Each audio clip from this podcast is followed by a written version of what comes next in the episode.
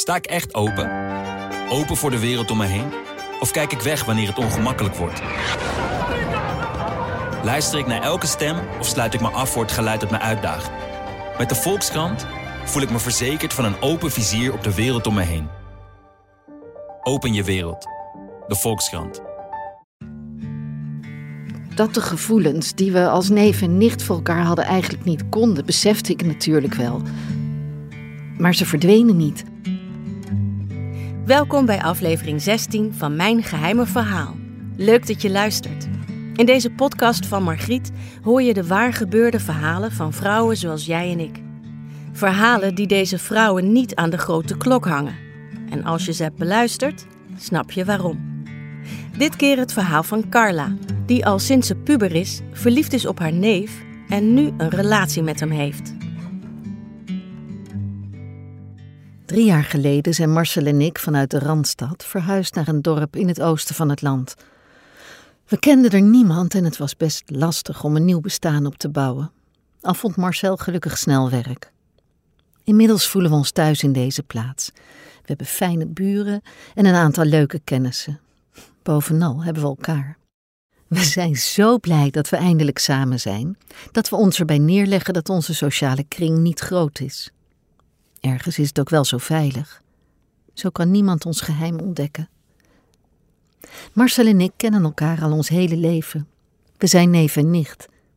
Toen we klein waren zagen we elkaar geregeld, tot Marcel met zijn ouders naar Frankrijk verhuisde. Zestien was ik toen ik hem weer terugzag op een verjaardag van mijn opa. Ik keek naar hem en werd op slag verliefd. Marcel voelde precies hetzelfde, al heb ik dat pas 35 jaar later gehoord. We dansten samen, dronken stiekem biertjes en praten en lachten de hele avond.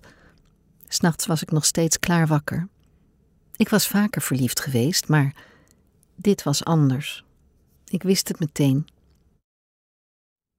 Marcel en ik gingen brieven schrijven. Elke dag wachtte ik bij de brievenbus of er bericht kwam uit Frankrijk. Hoewel we met geen woord repten over onze gevoelens, waren onze brieven intiem en heel bijzonder. Na een jaar kwam Marcel in Nederland studeren. Hij kwam vaak bij ons over de vloer. Hij mist zijn ouders, zeiden mijn vader en moeder vaak tegen elkaar. Dan lachte ik heimelijk. Ik wist dat hij alleen voor mij kwam, dat hij net zo gek was op mij als ik op hem. Dat het eigenlijk niet kon tussen ons, dat deze gevoelens niet bij een neef- en nichtband horen, realiseerde ik me natuurlijk wel. Maar daar zouden we wel iets op verzinnen. Samen weglopen bijvoorbeeld. Op een avond waren we uit met vrienden. Zoals altijd draaiden wij om elkaar heen. Maar die avond kuste Marcel met een ander meisje.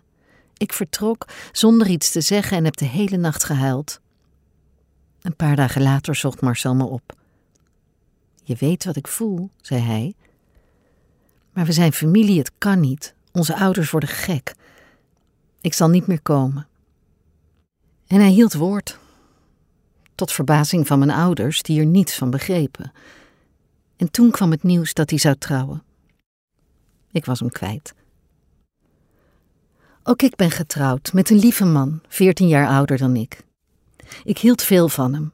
Toch kon hij de herinnering aan Marcel niet helemaal uitwissen. Die zag ik nog maar zelden, alleen op familiefeesten. Dan gingen we elkaar zoveel mogelijk uit de weg. Heel soms vonden onze blikken elkaar toch. Dat was dan voldoende om mij weer maanden van slag te brengen. Vijf jaar geleden is mijn echtgenoot overleden. Ik bleef van het een op het andere moment helemaal alleen achter, omdat we nooit kinderen hebben gekregen. Het verdriet was intens. Van Marcel kreeg ik een niet-zeggend kaartje, waarin hij me zei dat hij met me meeleefde. Ik heb het verscheurd. Zeven maanden later ging de telefoon. Marcel. Mijn boosheid over de kaart en over al die jaren van afstand was op slag verdwenen. Het was zo vertrouwd, alsof zijn stem thuis kwam in mijn oor. Mag ik dit weekend bij je komen? zei hij. Ik denk dat we moeten praten. Wat hij daar precies mee bedoelde, wist ik niet. Toen we samen aan mijn keukentafel zaten en ik moest vechten om mezelf niet in zijn ogen te verliezen, vertelde hij me dat hij al lange tijd ongelukkig was in zijn huwelijk. Hij was mij altijd blijven missen. Ook voor hem was het in der tijd liefde op het eerste gezicht geweest, en hoe hij ook zijn best had gedaan, het was niet gelukt om mij te vergeten. Tijdens ons telefoongesprek had hij besloten mij te vertellen dat hij nog altijd van me hield. Het werd een heel emotioneel gesprek, want hoewel het voor mij nog te vroeg voelde na de dood van mijn man, kon ik niet anders dan toegeven dat Marcel ook mijn grote liefde was. Na al die jaren voelde ik het nog steeds. Daar hoefde ik niet lang over te twijfelen. We hebben gezoend voor de allereerste keer. Mijn benen voelden als kauwgom. Ik voelde me weer het meisje van zestien. Vier maanden hebben we elkaar in het geheim gezien. Toen konden we niet langer blijven liegen. Marcel heeft het tegen zijn vrouw verteld, die in haar razernij direct de hele familie heeft ingelicht. We hebben zoveel agressie over ons heen gekregen. Natuurlijk was het heel erg dat er een huwelijk sneuvelde. Maar we hadden gehoopt dat er toch mensen waren die ons onze liefde gunden. Maar het feit dat we neef en nicht zijn bleek voor vrijwel iedereen te heftig. Ook voor vrienden van wie ik toch anders had verwacht. In deze strijd is Marcel zijn kinderen kwijtgeraakt. Zij hebben zich van hem afgekeerd, dat is het grootste verlies. Anderen die geen begrip voor ons konden hebben, die mij beschuldigden van het vernielen van een huwelijk en het besmeuren van de nagedachtenis van mijn man, konden we missen als kiespijn. Daarom hebben we besloten om te verhuizen toen Marcel boventallig werd verklaard. Ik heb een webshop, kan dat vanaf elke plek doen. We hebben een nieuwe start gemaakt in een ander deel van het land, waar niemand over ons zou oordelen en waar iedereen denkt dat wij man en vrouw zijn omdat we dezelfde achternaam hebben. En dat is zo fijn. Marcel en ik hebben er veel voor moeten opgeven, maar het feit dat wij nu samen zijn maakt alles goed, hoe hoog de prijs ook was.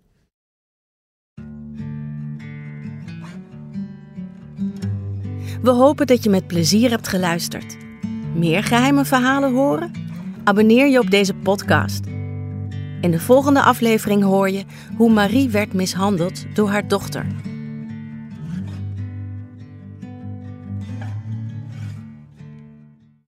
Sta ik echt open? Open voor de wereld om me heen? Of kijk ik weg wanneer het ongemakkelijk wordt? Luister ik naar elke stem of sluit ik me af voor het geluid dat me uitdaagt? Met de Volkskrant voel ik me verzekerd van een open vizier op de wereld om me heen. Open je wereld. De Volkskrant.